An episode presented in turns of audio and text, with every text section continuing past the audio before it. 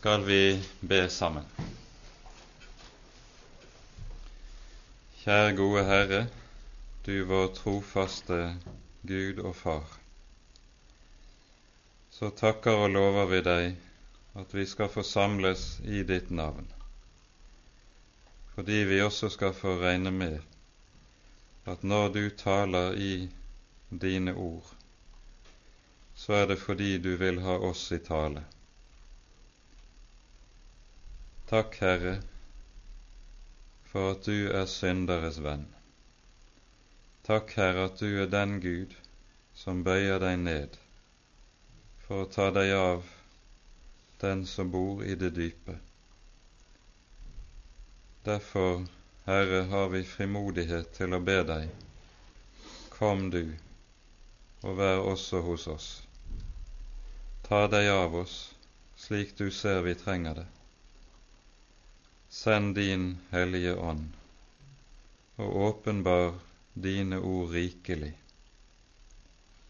at vi kan få kjenne deg, at vi kan få eie del i din trøst og bli frelst.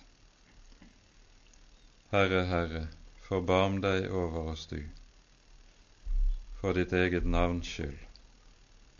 Amen.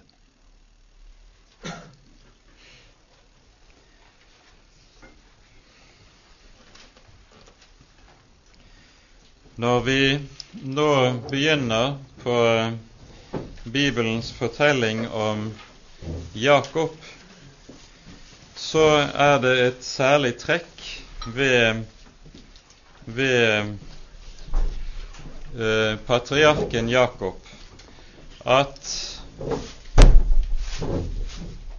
Gud lar seg kalle hans Gud utover gjennom hele Den hellige Skrift. Navnet Jakobs Gud er et av de hyppigst brukte navnene på Gud i Bibelen, noe som ikke er tilfeldig. For det er noe vi skal være klar over og stadig merke oss, at når Gud lar seg åpenbare under bestemte navn, så er nettopp de navn Gud åpenbarer seg under, navn der han forteller oss hvem han selv er, hva hans eget vesen er. Og så sies det i Hebreabrevet kapittel 12, nettopp i sammenheng med at Herren tar seg av Jakob, at han ikke skammet seg ved å kalles deres Gud. For Jakob er jo litt av en fant. Det tror jeg vi har full rett til å si. Hos ham møter vi ikke svært meget verken av fromhet eller av hellighet men det er fanteri, det er lureri, som kjennetegner så svært, svært meget av hans liv.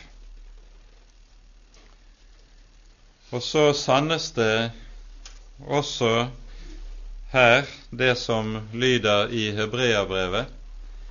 Det er ikke engler han tar seg av. Nei, det er ikke engler, men nettopp syndere. Og så er Det gamle testamentets navn på Gud når han sier at han er Jakobs Gud, parallellen til Det nye testamentets navn på Jesus, at han kalles for synderes venn. Og det er det Gud åpenbarer, det er det Gud vil si gjennom at han stadig kaller seg selv nettopp med dette navn. Begynnelsen på beretningen om Jakob har vi i Første Mosebok 25. Og vi leser her fra vers 20 av. Isak var 40 år gammel da han ektet Rebekka, som var datter til arameeren Betuel fra Mesopotamia, og søster til arameeren Laban. Og Isak ba til Herren for sin hustru, for hun var barnløs. Og Herren bønnhørte ham, og Rebekka, hans hustru, ble fruktsommelig. Men fostrene støtte til hverandre i hennes liv. Da sa hun, Er det således, hvorfor skal jeg da være til? Og hun gikk for å spørre Herren. Og Herren sa til henne, I ditt liv er det to folk, og fra ditt skjød skal to folkeslag skille seg ad. Det ene folk skal være sterkere enn det annet, og den eldste skal tjene den yngste. Da nå hennes tid var kommet at hun skulle føde, se, da var det tvillinger i hennes liv.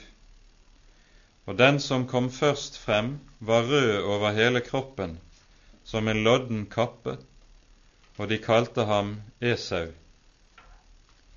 Deretter kom hans bror frem, og hans hånd holdt i Esaus hæl, Ham kalte de Jakob. Isak var 60 år gammel da de ble født. Og navnet Jakob betyr altså 'han som holder i hælen'.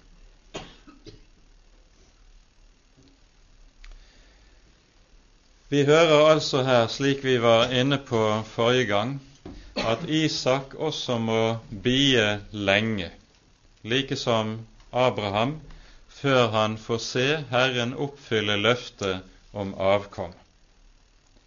20 års samliv med Rebekka går før Herren endelig hører Isaks bønn, og hun blir med barn. Og så et stykke ute i svangerskapet så hører vi de støtte til hverandre i livet hennes, de to fostrene.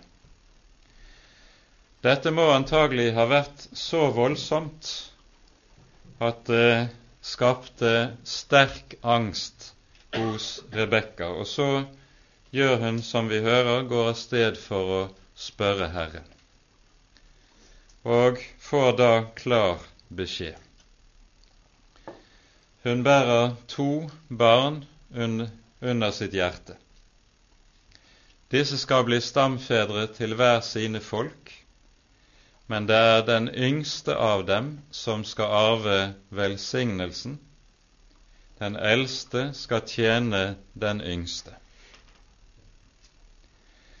I dette ligger ikke bare at Herren så å si forutser hva som skal komme til å skje i fremtiden. I dette ligger også Guds utvelgelse. Han utvelger Jakob og ikke Esau til å bli bærer av løftet, til å bli arving til Abrahams velsignelse. For det er jo dette som er den røde tråd i hele historien med patriarkene. Det er løftet til Abraham, løftet om velsignelsen som skal bli alle folkeslag til del i hans ett. Jakob skal etter Guds utvelgelse altså bli bærer av velsignelsen og av dette løftet, noe Det nye testamentet understreker meget sterkt når vi kommer til Romerbrevets niende kapittel.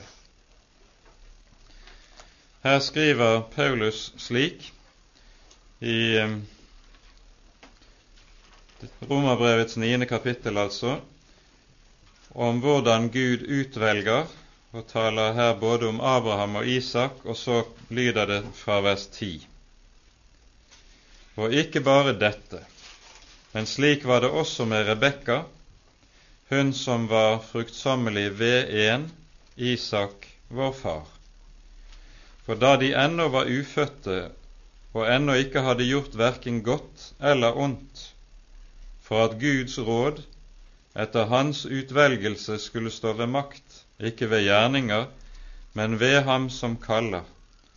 Da ble det sagt til henne, den eldste skal tjene den yngste, som skrevet er, Jakob elsket jeg, men Esau hatet jeg. Guds utvelgelse skulle stå fast, ikke ved gjerninger, men ved ham som kaller, understreker apostelen. Og det er sannelig viktig at nettopp det blir understreket. For når vi ser hvordan Jakob skikker seg i livet, så ser vi at når Gud har utvalgt ham, så er det sannelig ikke på grunn av at her har du et fromt menneske som skulle fortjene at Gud tar seg av ham. Jakob er bedrageren. Jakob er lurendreieren. Det er på tross av hva Jakob er, at Gud utvelger ham, slik at det skal bli klart og tydelig Guds utvelgelse, Guds nådekall, skjer ikke på grunn av gjerning, men på grunn av Guds eget hjertelag. Derfor lyder det i forlengelsen av det vi leser her i Romane 9 fra vers 16.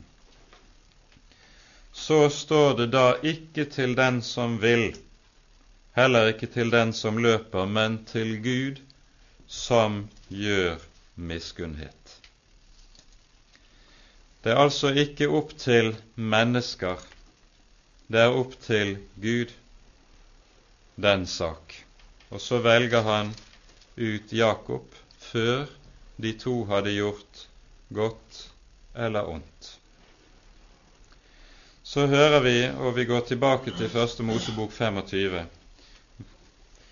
hvordan ut, disse to vokser til. Og Vi leser da fra vers 27 i kapittel 25. Da nå guttene vokste til, ble Esau en dyktig jeger, en mann som holdt til i skog og mark, men Jakob var en stillferdig mann som holdt seg ved teltene. Og Isak holdt mest av Esau, for han var glad i vilt, men Rebekka holdt mest av Jakob. En gang da Jakob holdt på å koke en velling, kom Esau hjem fra marken og var rent oppgitt. Esau sa til Jakob, La meg få til livs noe av det røde, det røde du har der, for jeg er rent oppgitt. Derfor kalte de ham Edom, som betyr den røde. Men Jakob sa, Selg meg først din førstefødsels rett. Esau svarte, Jeg holder på å dø. Hva skal jeg da med førstefødselsretten? Da sa Jakob, gjør først din ed på det. Og han gjorde sin ed på det og solgte så sin førstefødselsrett til Jakob. Og Jakob ga Esau brød og linsevelling, og han åt og drakk og sto opp og gikk sin vei. Således ringeaktet Esau førstefødselsretten. I denne lille fortellingen hører vi det første som egentlig skjer av betydning i disse to brødrenes liv. Og vi skal være klar over at i denne lille fortellingen så gripes disse to brødrenes karakter og personlighet like som i et nøtteskall.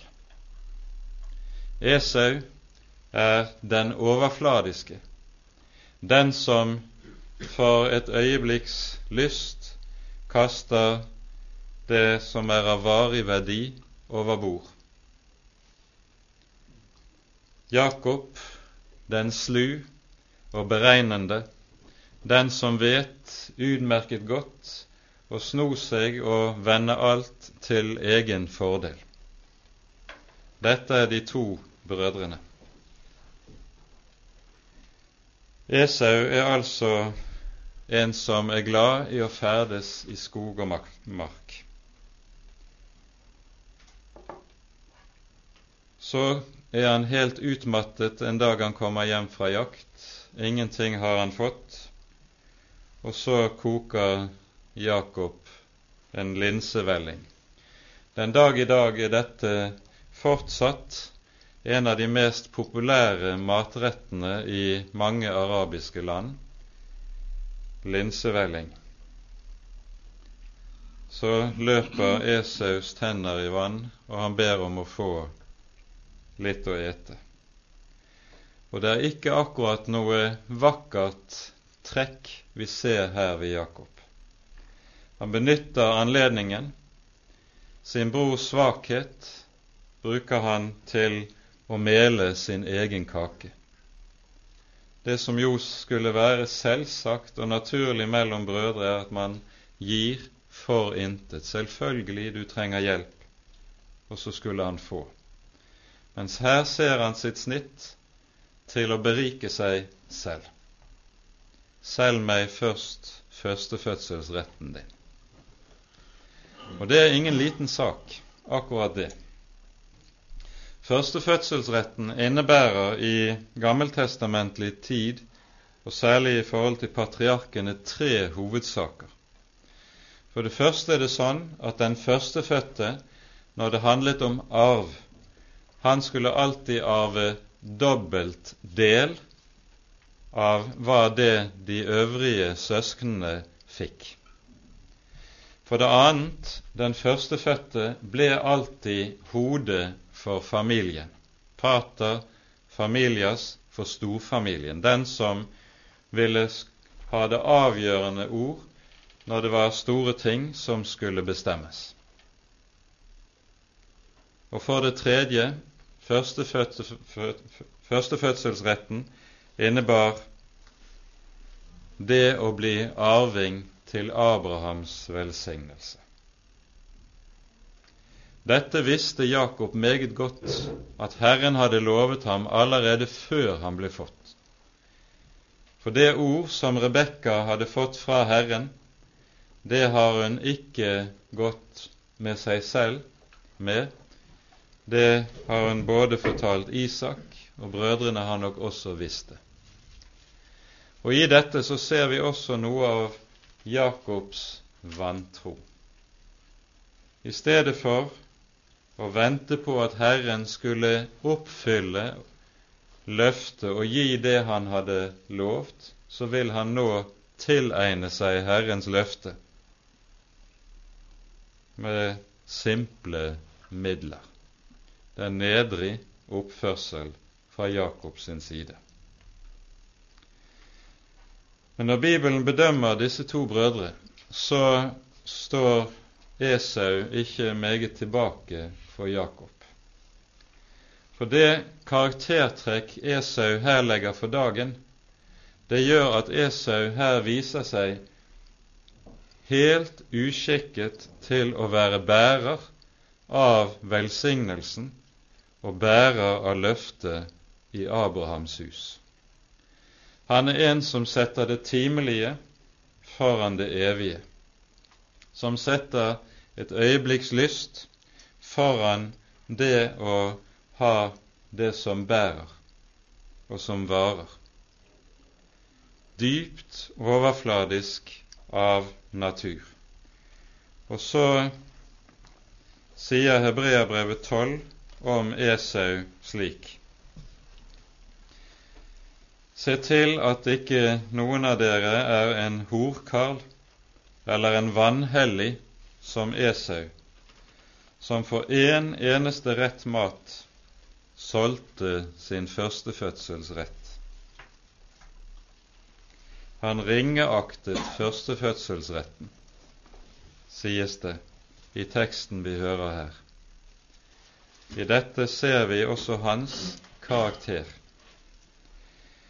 Og denne karakteren hos Esau kommer ytterligere for dagen i de to siste versene i kapittel 26, der vi leser slik Da Esau var 40 år gammel, tok han til hustruer Judith, datter til hetitten Beeri, og Basmat, datter til hetitten Elon men de ble en hjertesorg for Isak og Rebekka.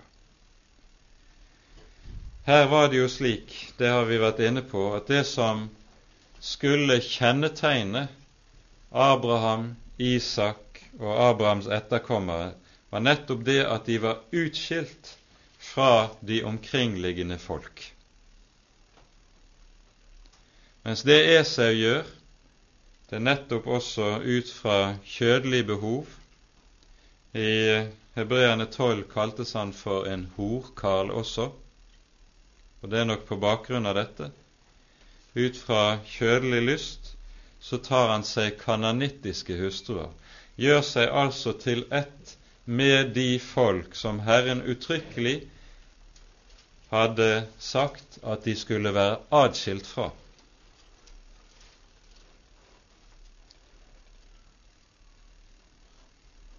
Her ser vi altså også Esaus karakter i dette. Men når det nå er sagt, så kommer vi til den fortellingen som vi alle husker fra søndagsskolen, og som vi hører i kapittel 27, når Jakob bedrar sin blinde og aldrende far. Vi tar oss tid og leser det meste av dette kapittelet. Da Isak var blitt gammel og hans øyne var blitt sløve, så han ikke kunne se, kalte han til seg Esau, sin eldste sønn, og sa til ham, Min sønn. Han svarte, Ja, her er jeg. Da sa han, Jeg er blitt gammel og vet ikke hva dag jeg skal dø.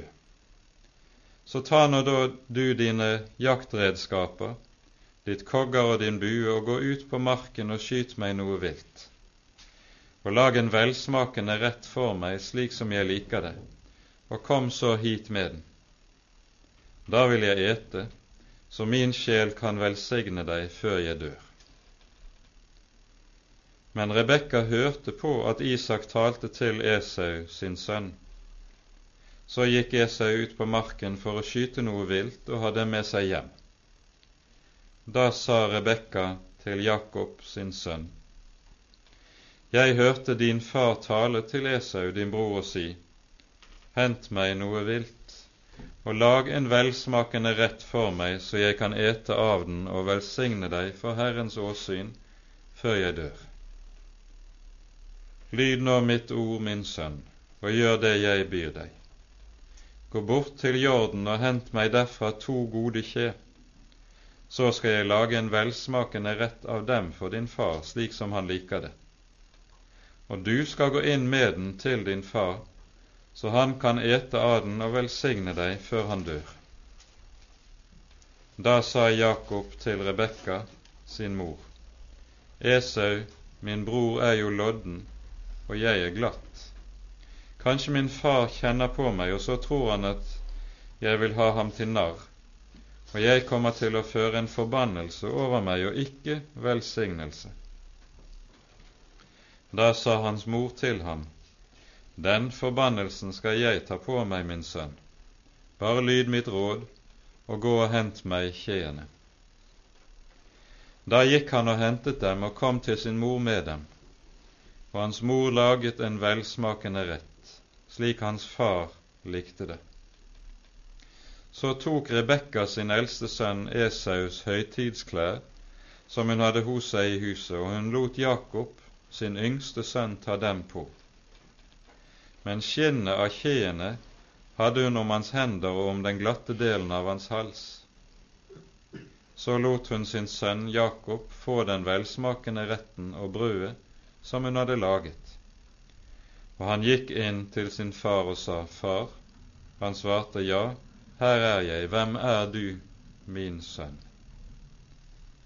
Da sa Jakob til sin far, Jeg er Esau, din førstefødte. Jeg har gjort som du sa til meg. Sett deg nå opp og et av mitt vilt, så din sjel kan velsigne meg. Men Isak sa til sin sønn, Hvorledes har du da så snart kunnet finne noe, min sønn?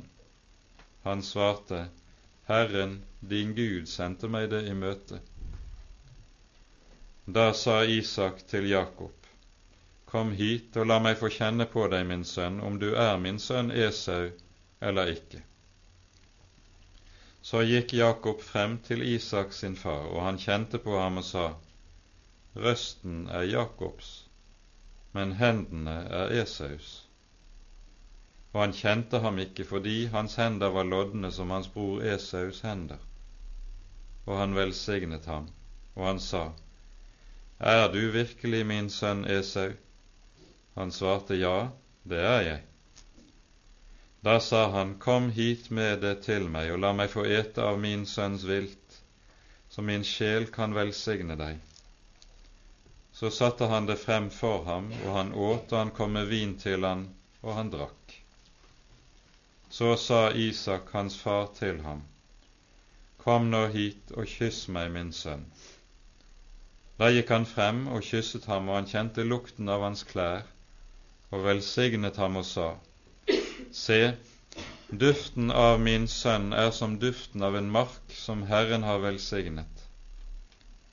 Så gi Gud deg av himmelens dugg og av jordens fedme og korn og most i overflod. Folk skal tjene deg, og folkeslag skal falle deg til fote. Vær herre over dine brødre, og måtte din mors sønner falle deg til fote. Forbannet være den som forbanner deg, og velsignet den som velsigner deg. Men da Isak hadde endt sin velsignelse over Jakob, og Jakob nettopp var gått ut fra Isak sin far, da kom Esau, hans bror, hjem fra jakten. Han laget også en velsmakende rett og bar den inn til sin far, og han sa til sin far, Vil ikke far reise seg opp og ete av sin sønns vilt? Så din sjel kan velsigne meg. Og Isak, hans far, spurte ham, Hvem er du? Han svarte, Jeg er Esau, din førstefødte sønn. Da ble Isak overmåte forferdet, og han sa, Hvem var det da som hadde skutt noe vilt og kom til meg med det? Jeg åt av alt før du kom og velsignet ham han skal også være velsignet. Da Esau hørte disse ord av sin far, satte han i et høyt, sårt skrik, og han sa til sin far, Velsign også meg, min far. Men han sa, Din bror kom med list og tok din velsignelse. Da sa han, er det fordi han har fått navnet Jakob, at han nå to ganger har overlistet meg? Min første fødselsrett tok han, og se, nå har han tatt min velsignelse. Så sa han, Har du da ikke velsignelse igjen til meg òg? Isak svarte og sa til Esau, Se, jeg har satt ham til herre over deg, og alle hans brødre har jeg gjort til hans tjenere og jeg har gitt ham korn og most i overflod, hva skal jeg da gjøre for deg, min sønn? Og Esau sa til sin far, Har du da bare denne ene velsignelse, min far? Velsign også meg, min far. Og Esau gråt høyt. Da tok Isak hans far til orde igjen og sa til ham, Se, uten jordens fedme skal din bolig være, og uten himmelens dogg fra oven. Av ditt sverd skal du leve, og din bror skal du tjene. Men når du en gang river deg løs, da skal du bryte hans åk av din nakke. Og Esau hatet Jakob for den velsignelse som hans far hadde lyst over ham. Og Esau sa ved seg selv, Snart kommer den tid da vi må sørge over min far. Da skal jeg slå Jakob, min bror, i hjel.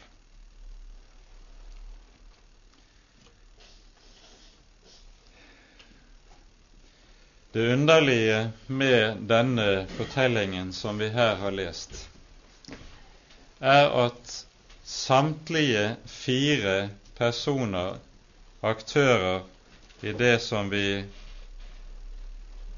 hører om,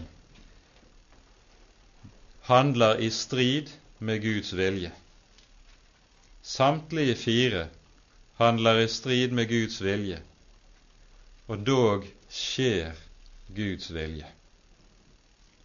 Det viser hvor underlig Gud kan føre ting frem, trass i at mennesker bevisst setter seg ut over hva Gud har sagt og villet, så kan han dog føre sitt råd frem. Isak setter Guds vilje til side fordi han vil gi den førstefødtes velsignelse til Esau, enda han godt visste fra Herrens munn at det var Jakob som skulle ha den førstefødtes velsignelse. Men ut fra kjødelige hensyn Esau er yndlingsgutten, så vil han heller la sin egen kjødelige eller menneskelige forkjærlighet veie tyngre enn Guds ord og løfte. Esau gjør det samme, og han ser nå en mulighet til, ved å få farens velsignelse, å få tilbake den førstefødselsretten han hadde solgt til Jakob. For det er farens velsignelse som kan gjøre salget av denne til intet. Og så har vi Jakob og Rebekka, som med, med sitt bedrag tilraner seg velsignelsen. Og vi skal vite bak dette bedraget fra, Rebekka og fra Jakob sin side ligger der dyp, dyp vantro. Når Herren nemlig har gitt et løfte, det har vi vært inne på gjentatte ganger i fortellingen om Abraham. Så vil Herren også være alene om å oppfylle det. Han vil gjøre det i sin tid og på sin måte. Og Herrens ord og løfte blir ikke til intet selv om mennesker med sitt råd søker å gjøre det. Herrens løfte til Jakob ville slett ikke gå til spille eller renne ut i sanden om Isak aldri så mye hadde velsignet Esau. For Herren står ved sitt ord og står ved sitt løfte. Dette understreker Bibelen sterkt i mange sammenhenger, og vi minner her bare om det vi leser i Salme 33, der det står slik vers 10 og 11. Herren omstøter hedningenes råd. Han gjør folkenes tanker til intet. Herrens råd står fast evinnelig, hans hjertes tanker fra slekt til slekt. Om Isak aldri så mye ville krysse Guds vilje, så ville ikke det gjøre Guds råd til intet. Slik vil troen tenke. Men vantroen tenker som så at når mennesker nå ser ut til å kunne dreie alt i en helt annen retning, da står også Guds ord og Guds løfte på spill. Da er Gud maktesløs og kan ikke gjøre som han har lovet. Og så tyr en til krumspring. Så tyr en til bedrag. Og så tenker en at Guds løfte kan ikke oppfylles uten at jeg rekker Gud en hjelpende hånd. Det er denne ånd som ligger bak det ordtak som vi også har på norsk. Gud hjelper den som hjelper seg selv. Bibelsk bedømt er det ikke sant. Selvhjulpenhet er i Guds ord ikke noe ideal. I Salme 33, som vi leste fra, sies det slik på slutten av salmen. Se, Herrens øyne ser til dem som frykter ham, og bier på hans miskunnhet. Vår sjel bier på Herren. Det Jakob skulle ha gjort, var ganske enkelt å legge saken i Guds hånd og sagt du har lovet det, du vet hvordan du skal sette ditt råd i verk. Vi venter på deg.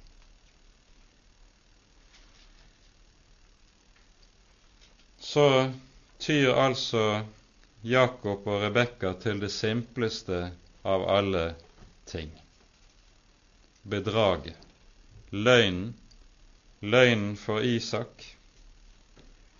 Og så ser vi i dette noe som stadig ligger snublende nær hos mennesker.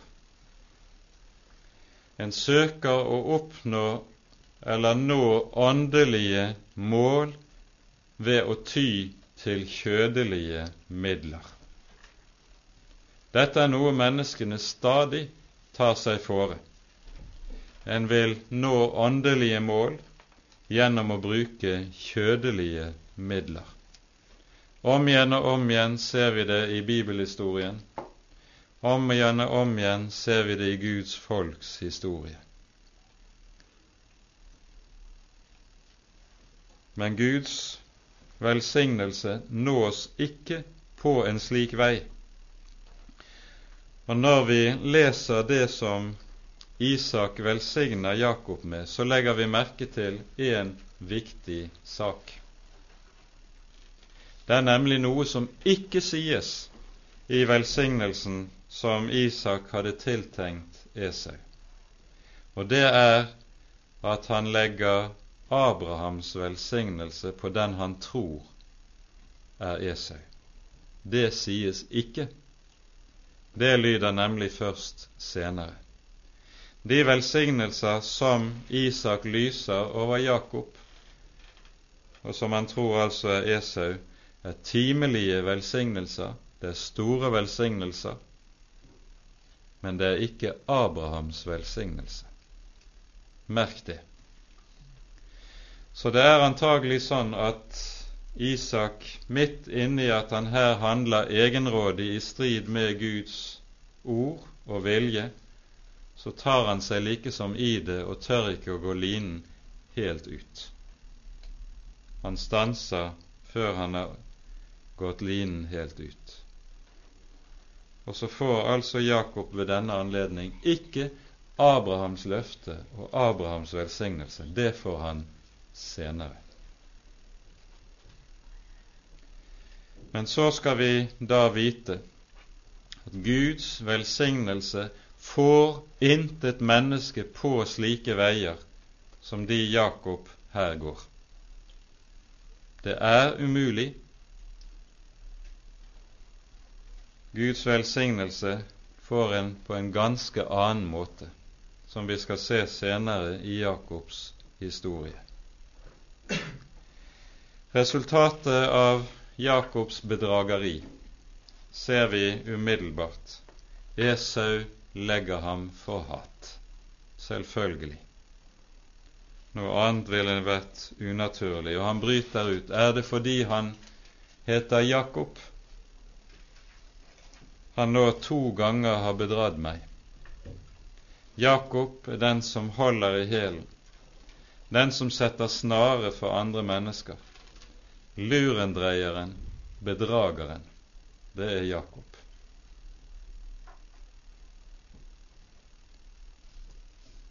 Men nå er Jakob i livsfare, for Esau er ikke til å spøke med.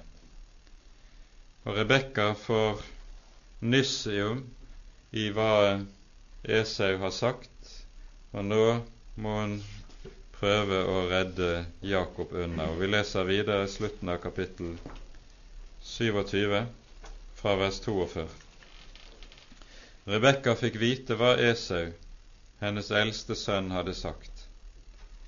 Da sendte hun bud etter Jakob, sin yngste sønn, og sa til ham, Se, Esau, din bror, vil hevne seg på deg og slå deg i hjel.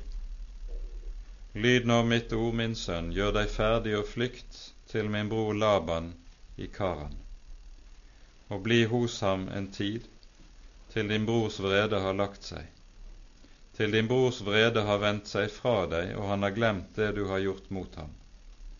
Da skal jeg sende bud og hente deg derfra. Hvorfor skulle jeg miste dere begge på én dag?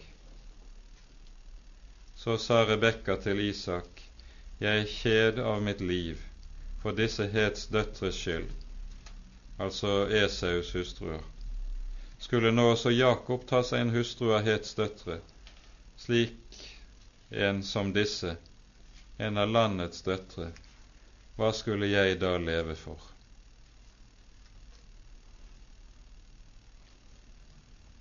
Rebekka vet råd. Hun er en rådsnar kvinne.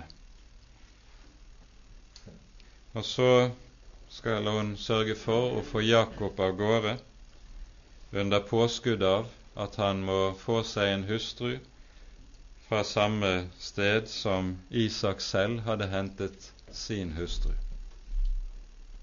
Og det er høyst legitimt, akkurat det. Det er ganske så tungtveiende at Jakob ikke må ta seg kananittiske kvinner til hustru, slik Esau har gjort det. Men det som ligger Rebekka mest på hjertet, er jo å berge Jakobs liv. Nå har Isak sanset seg. Og Når vi nå kommer inn i kapittel 28, så leser vi hvordan Isak nå tilsier Jakob velsignelsen. Da kalte Isak Jakob til seg og velsignet ham, og bød ham og sa til ham, Du skal ikke ta noen av Kanans døtre til hustru. Gjør deg rede og dra til Mesopotamia, til din morfar Betuels hus, og hent deg en hustru derfra, en av din morbror Labrans døtre. Og Gud, den allmektige, velsigne deg, og gjøre deg fruktbar, og gi deg en tallrik ett, så du blir til en hel skare av folkeslag. Han gi deg Abrahams velsignelse, både deg og din ett, så du kommer til å eie det land hvor du nå bor som fremmed, det som Gud ga Abraham. Så lot Isak Jakob reise, og han dro til Mesopotamia, til arameeren Laban, Betuels sønn, som var bror til Rebekka, Jakobs og Esaus mor. Jakob kan jo ikke dra før han har fått sin fars tillatelse og godkjennelse. Og vi forstår med det som nå ligger bak, at når Isak nå kaller til seg Jakob, så er det med bevende hjerte at Jakob trer inn for sin far. Hva vil mon far si til meg etter at jeg har bedratt ham slik? vil han sende meg av gårde med en forbannelse over mitt hode. Og så skjer altså det forunderlige. Ikke ett lastende ord. Men Isak fullfører med den velsignelse han nå lyser over Jakob, det som ikke ble fullført i forbindelse med bedraget vers 4 leste vi Han gi deg Abrahams velsignelse. Nå får Isak den velsignelsen han prøvde å bedra seg til, men som han ikke fikk da. Nå eier han Abrahams løfte og Abrahams velsignelse, på tross av alt hva han har gjort og så må han med det se i øynene. Alle mine krumspring har vært forgjeves. Uten at jeg har lagt to pinner i kors, har jeg nå fått velsignelsen. Alle mine krumspring har bare ført til én ting. Jeg er blitt forhatt av min bror. Jeg er blitt en flyktning på jorden. Abrahams velsignelse, den fikk han for intet. For at Guds råd skulle stå fast, ikke ved gjerninger, men i kraft av Han som kaller, leste vi i Romane 9.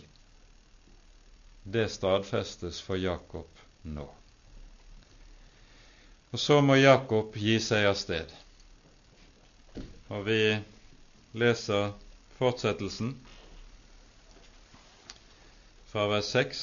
Da Esau så at Isak hadde velsignet Jakob og sendt ham til Mesopotamia for å hente seg en hustru derfra, at han hadde velsignet ham og gitt ham befaling, du skal ikke ta noen av Kanans døtre til hustru, og at Jakob hadde adlydd sin far og sin mor og var reist til Mesopotamia, og da Esau så at Kanans døtre mishaget Isak hans far, så gikk han til Ismael og tok Mahalat, datter til Abrahams sønn Ismael, Nevajots søster til hustru, foruten sine andre hustruer.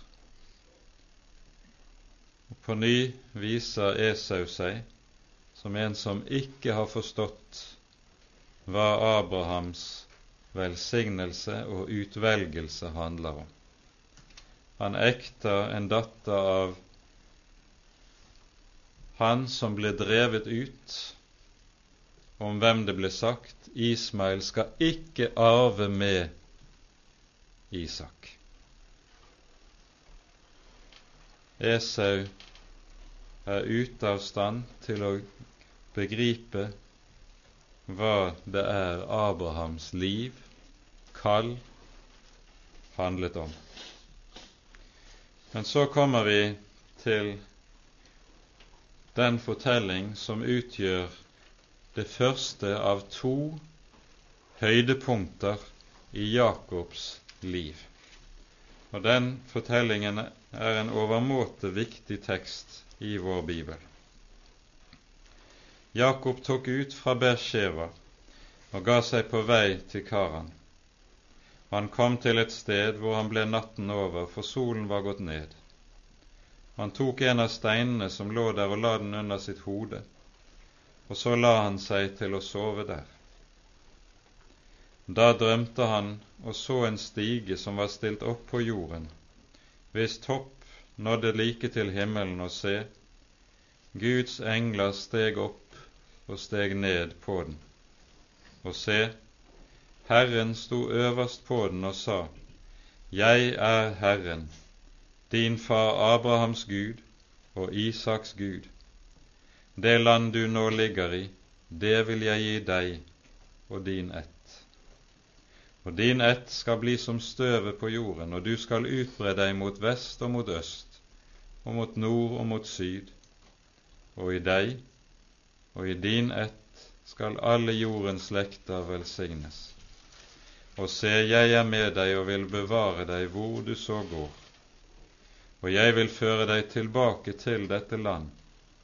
Jeg vil ikke forlate deg før jeg har gjort det jeg har lovt deg. Da Jakob våknet av sin søvn, sa han sannelig, Herren er på dette sted, og jeg visste det ikke. Og det kom frykt over ham, og han sa, hvor forferdelig er ikke dette sted? Her er visselig Guds hus. Her er himmelens port. Morgenen etter sto Jakob tidlig opp og tok den stein han hadde lagt under sitt hode, og reiste den opp som en minnestein, og han helte olje over den.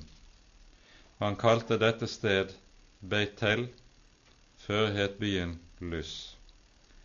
Og Jakob gjorde et løfte og sa:" Dersom Gud vil være med meg og bevare meg på denne min ferd, og gi meg brød og ete og klær og kle meg med, og jeg kommer vel hjem igjen til min fars hus, så skal Herren være min Gud, og denne stein som jeg har reist opp som minnestein, skal være et Guds hus, og av alt det du gir meg, vil jeg gi tiende.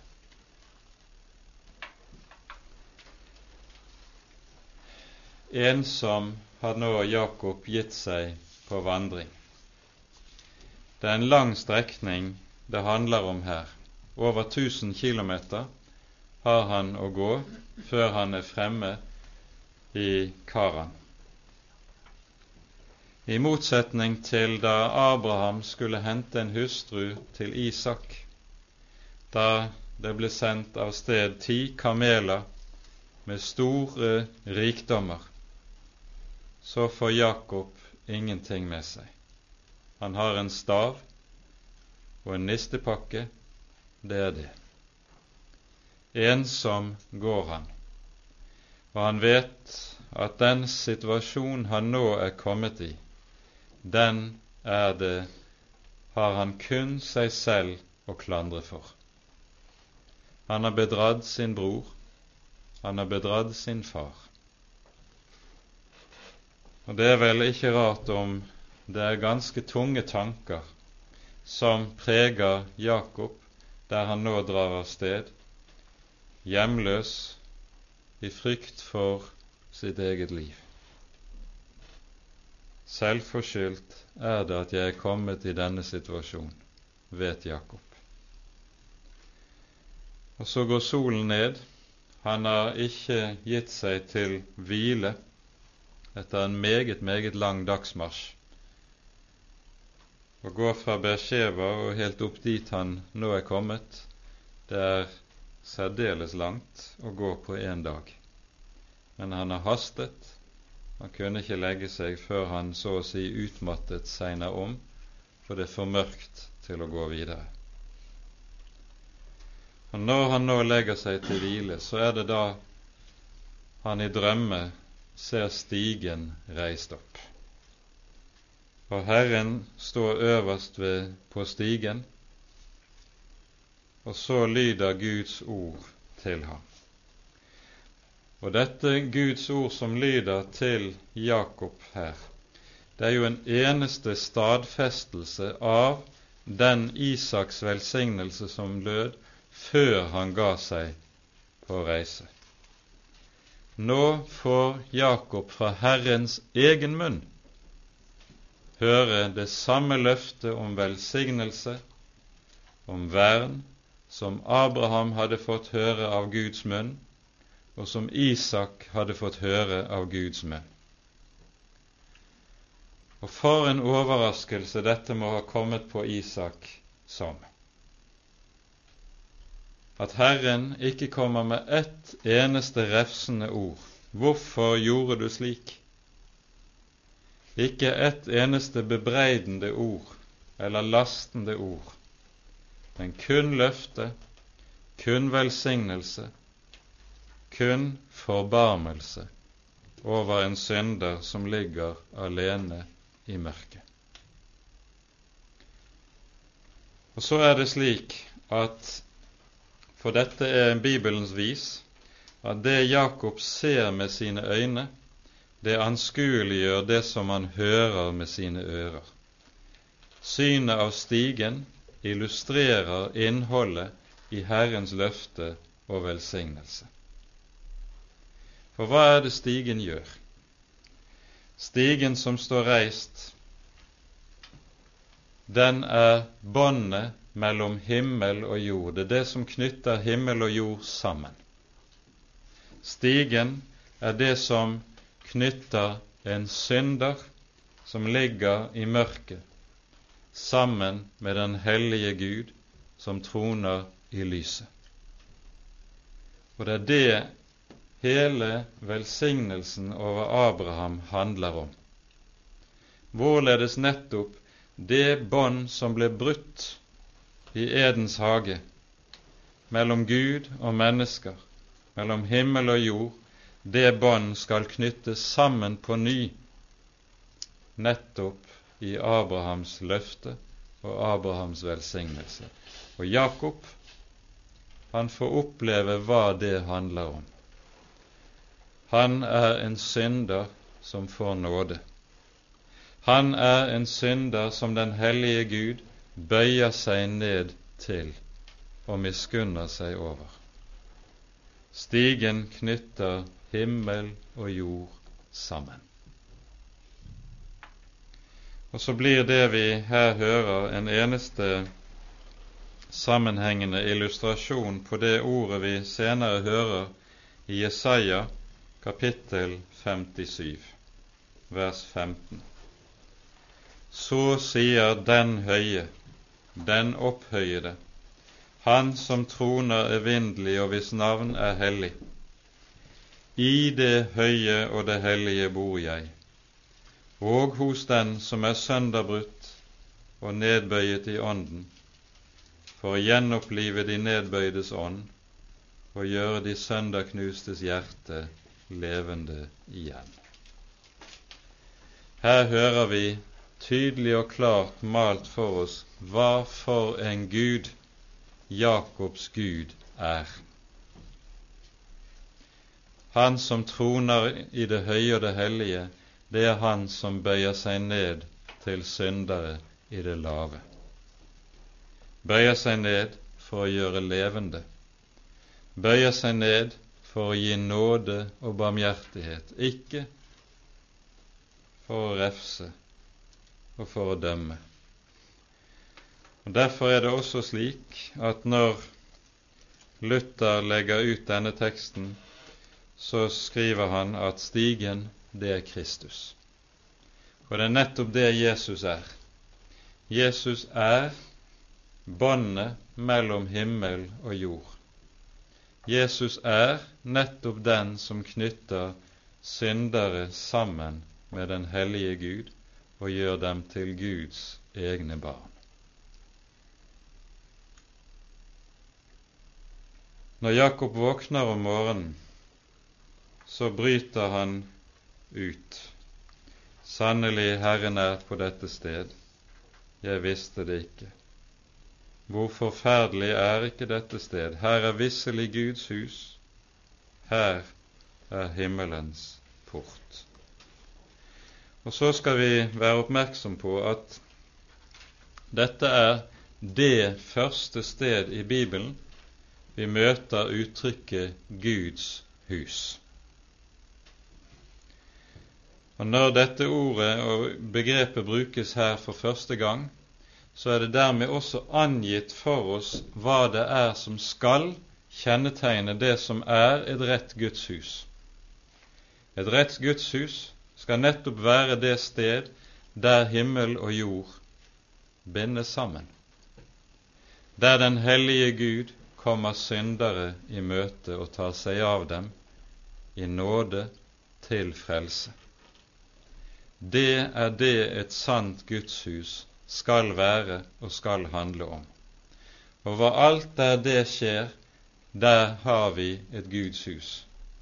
Og der det ikke skjer, der er det ikke et Guds hus, om det er aldri så fine katedraler og aldri så prektige slags presteskap.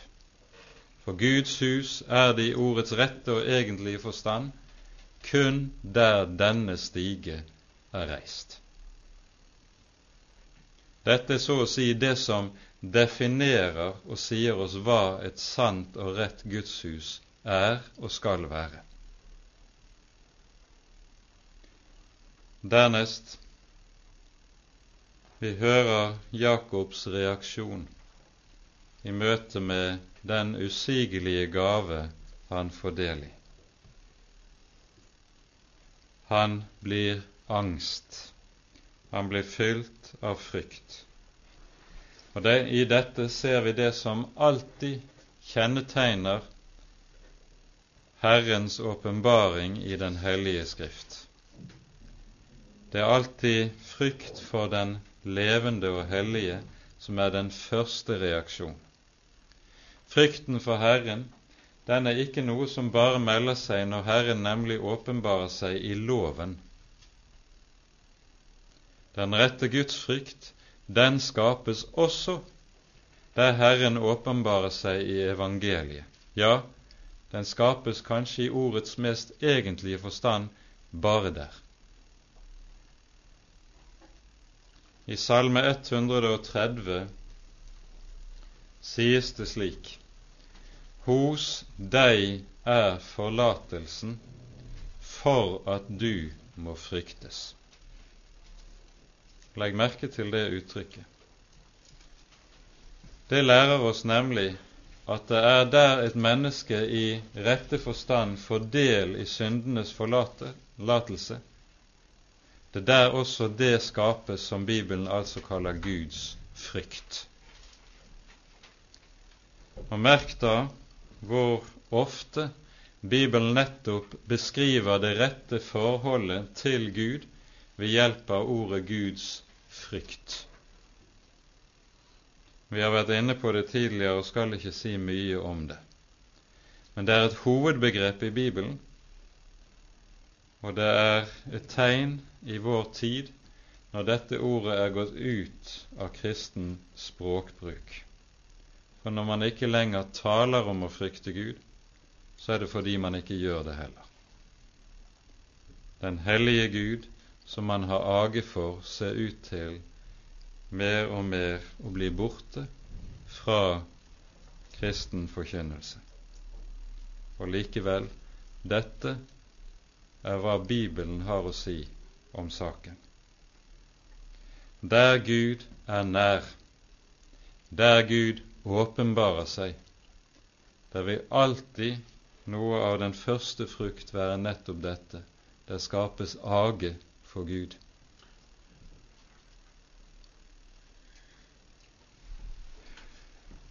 Det tredje vi legger merke til, det er hva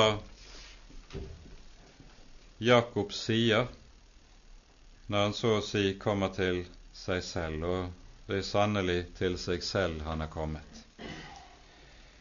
For her er det visselig slik at Guds utvelgelse står fast ikke på grunn av gjerninger. Der er enda ikke skapt tro i ordets rette og egentlige forstand hos Jakob. Det er noe som kommer senere i Jakobs liv. Det er noe som Gud skal komme til å bruke mange år på, og mange års arbeid med en gjenstridig Jakob, før han så å si har nådd inn til ham, inn til hans hjerte. Det skal vi se mer på på neste bibeltime. Og så hører vi altså Jakobs forslagenhet selv her. Dersom Gud vil være med meg og bevare meg og gi meg brød og ete og klær og kler meg med, og jeg kommer vel med hjem igjen til min fars hus, så skal Herren være min Gud. Det er så å si noe av kremmerånden som er tilbake hos Jakob. Han kan liksom ikke riktig tro det. Han vil se og erfare at Gud har holdt ord, før han riktig vil si da skal Herren være min Gud. Og Derfor er det også slik at de årene som nå ligger foran, har Gud et meget vanskelig arbeid fore med Jakob. 20 år blir Jakob i utlendighet, 20 år hos Laban, og det er 20 år som er meget vanskelige for Jakob. Men nettopp i disse vanskelige år arbeider Gud på Jakobs hjerte. Vi skal ikke si meget mer om det, men bare slutte med å understreke hva Abrahams velsignelse altså innebærer. I deg og i din ett skal alle jordens slekter velsignes. Og vi forstår hva denne Abrahams velsignelse handler om. Det handler om nettopp det at denne stigen, båndet mellom himmel og jord, skal reises. Og dette skal skje for alle folkeslag under himmelen.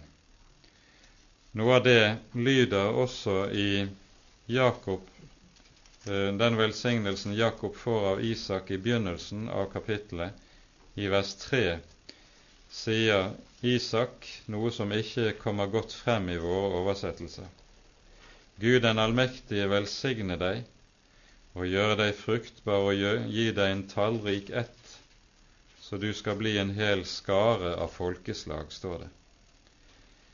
Bokstavelig står det i grunnteksten slik så du blir til en menighet av mange folkeslag. Dette er første gang i Bibelen ordet for Det gamle testamentets ord for menighet brukes. Så du blir en menighet av mange folkeslag. For det er jo det Guds folk blir når Jesus kommer og trer frem, og Peter avlegger sin bekjennelse. Du er Messias, den levende Guds sønn. Så svarer Jesus ham og sier, Du er Peter, og på denne klippet vil jeg bygge min menighet. Herrens menighet, det er det folk av alle folkeslag under himmelen som bygget på denne tro Jesus, Messias, den levende Guds sønn. Det er Abrahams velsignelse, og det er Jesus som nettopp er den som binder himmelen sammen med jorden, som gir fattige syndere hjemstavnsrett hos den hellige Gud. Amen. Ære være Faderen og Sønnen og Den hellige ånd, som var og er og være skal en sann Gud, høylovet i evighet. Amen.